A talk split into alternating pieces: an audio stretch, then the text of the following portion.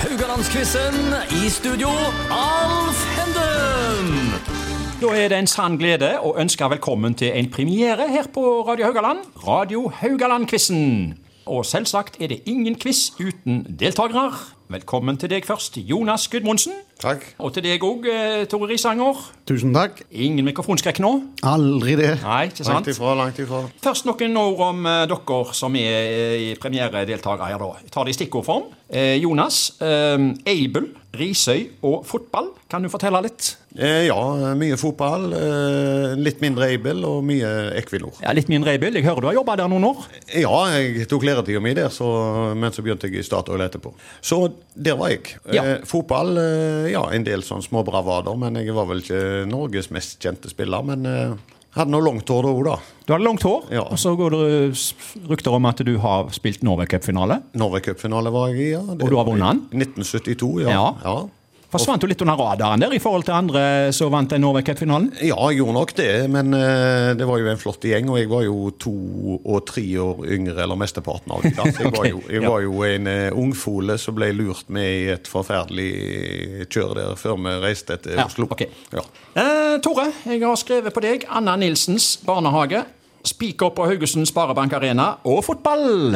Ja, det, Er det bare å begynne her? det var alt rett der, altså. Det, Ja. ja. det er mye fotball og mye barnehage. Jeg har vært i Anna Nilsen i 24 år nå i Ja. barnehage. Ja.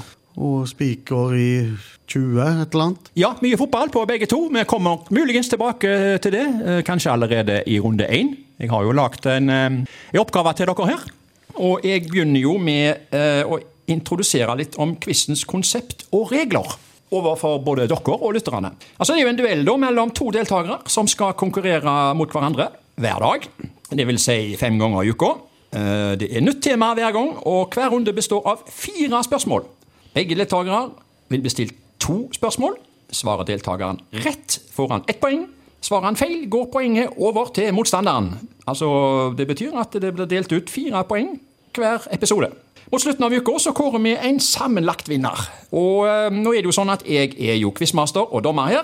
Men skulle det bli noe uklart, folkens, det gjelder jo til dere deltakere her, så har vi et overordna dommerpanel på tre stykk. De står klar eh, bak et tjukt eh, pleksiglass her, iført hvite frakker og strenge briller, og følger med at alt går riktig for seg her. Skjønte dere det? Det gjør vi. Ja, Så her er det ingen, ingen jukselapper og ingen eh, finter her, eh, Tore. Nei, den er grei. det vi Du skal- hadde noen finter på banen, eh, husker jeg. Ja da, jeg hadde masse overstegsfinter, og ja, jeg hadde jo eh, skuespillertakter òg, så det var jo greit nok. Ja. ja, jeg begynner med spørsmålene her. Og tema én er engelsk fotball. Og Vi begynner med spørsmål én, og det går til deg, Jonas. ja. Det er rett og slett et fleip- eller faktaspørsmål.